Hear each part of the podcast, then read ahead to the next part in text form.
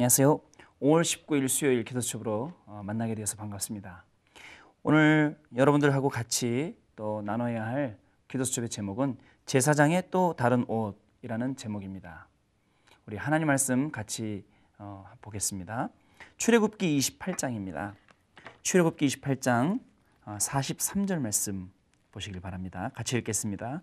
아론과 그의 아들들이 회막에 들어갈 때에나 재단에 가까이 하여 거룩한 곳에서 섬길 때에 그것들을 입어야 죄를 짊어진 채 죽지 아니하리니 그와 그의 후손이 영원히 지킬 규례니라. 아멘. 애굽의 군사가 따라오면 어떻게 방어할까? 또 혹시 우리가 광야에서 병들면 어떻게 되지? 또는 마실 물과 추위와 더위는 어떻게 참고 이길 수 있을까? 가는 길에 만약에 이 적들을 만나면 도망가야 하나? 라는 이런 많은 염려, 많은 불안과 두려움 가운데에 이스라엘 민족이 사로잡혀 있었습니다. 어, 이때 하나님은 다음의 명령을 하시는데요. 모든 이스라엘 민족과 제사장들은 옷을 바꿔 입어라. 그렇지 않으면 죽게 될 것이다. 이 명령에 어, 담긴 뜻은 무엇일까요? 하나님은요, 어, 우리에게 세 가지 축복을 주셨지 않습니까? 우리가 출애굽 어, 출애굽기를 통해서 하나님 주신 세 가지 어, 오순절이라든가 또 유월절이라든가 수장절 이 세 가지 절기를 우리에게 주셨는데 오늘 우리는요 이 세 가지 절기를 언약으로 딱 붙잡는 그러한 시간이 되겠습니다. 유월절이라는 것은 어, 구원을 이야기하는 것입니다. 오순절이라는 것은 하나님의 능력은 무에서 유를 창조해내는 그러한 능력입니다. 또 그리고 수정절은 무엇입니까? 하나님께서 많은 곡식을 걷어 창고에 드리게 하는 우리에게 경제 축복뿐만 아니라 유일성의 축복도 주시는데 오늘 말씀을 보니까 아, 옷을 바꿔 입어라. 그렇지 않으면 죽게 될 것이다. 라고 명령을 하셨는데 정말 오늘 우리가 갈아입어야 할 옷이 무엇인지 우리가 또 새롭게 입고 새롭게 새롭게 행동해야 할 그러한 것은 무엇인지 이런 중요한 언약들 확인하고 찾게 되는 그러한 귀한 시간이 됐으면 합니다. 첫 번째로 과거의 옷을 벗어버려라입니다. 과거의 원망과 노예와 광야 체질의 옷을 벗으라고 말씀을 하십니다.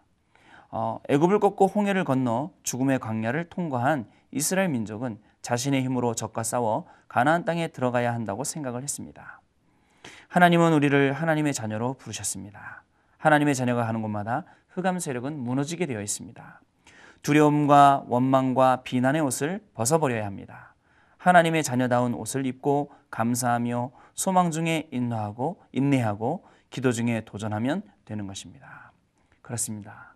우리 렘넌트 여러분, 또 우리 전도자 여러분, 우리가 과거에 있었던 모든 이 옷들을 우리는 전부 바꿔 입어야 합니다.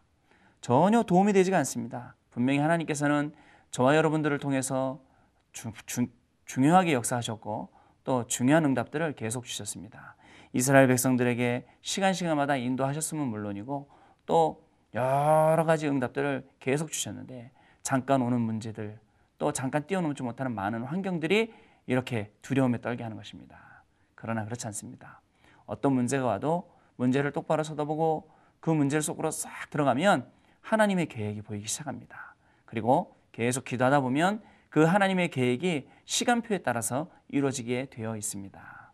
과거에 잘 안 되었던 것들, 과거에 우리를 실패했게 했던 것들, 그런 모든 옷들을 다 벗어버리고 오늘 어, 본 말씀처럼 새로운 옷을 또 입게 되는 그러한 귀한 시간이 되었으면 합니다. 두 번째로 신분을 회복한 옷을 입어라 합니다.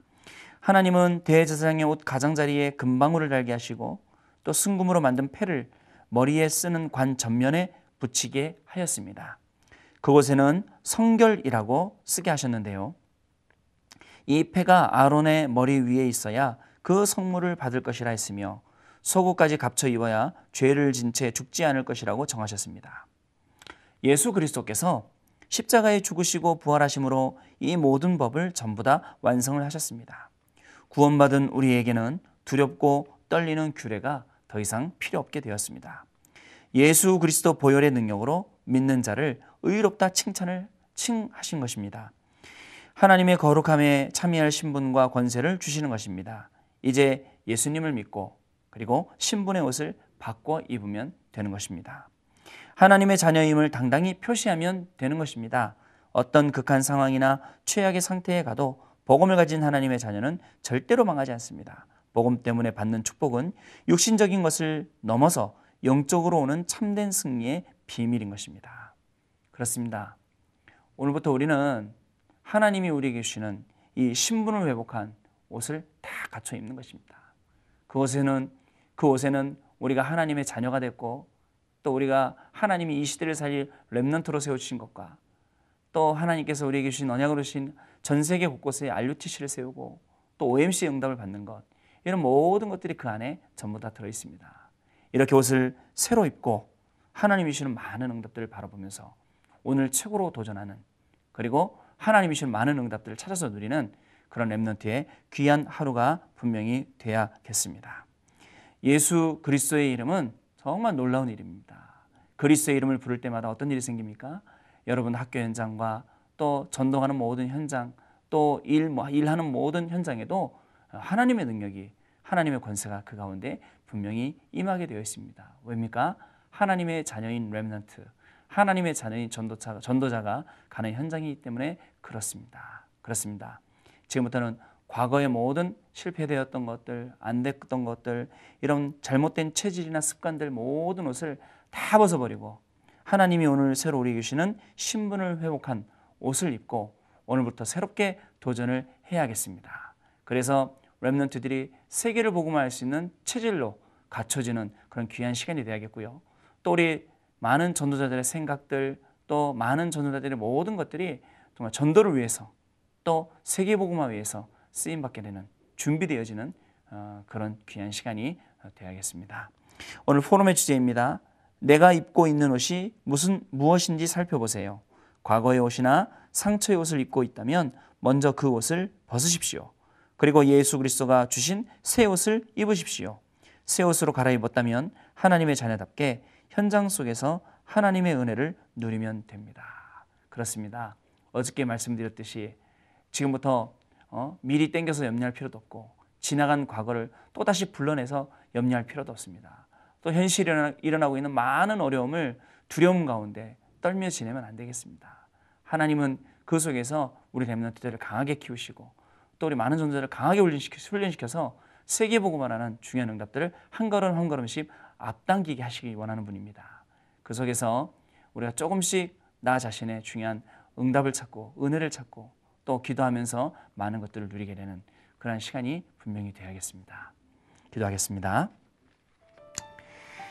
하나님께 감사를 드립니다. 과거에 잘못되었던 것들, 상처받았던 것들, 안전 모든 것들을 다 벗어버리게 하시며 오늘 우리 렘넌트들 그리스도로 새로 옷 입게 하시니 참으로 감사를 드립니다. 이 새롭게 입은 이 옷을 입고 오늘도 가는 현장에마다 그리스도 이름으로 모든 흑암을 걷고 또 하나님께서 예비해 놓으신 많은 생명들을 찾아 세우며 또 그들과 함께 세계복음화의 대열에 서게 되는 놀라운 축복이 우리 렘넌트들과 우리 모든 전도자에게 사실적으로 임하는 귀한 하루가 되도록 주께서 성령으로 역사하여 주옵소서. 우리 주 예수 그리스도 이름으로 기도드립니다. 아멘.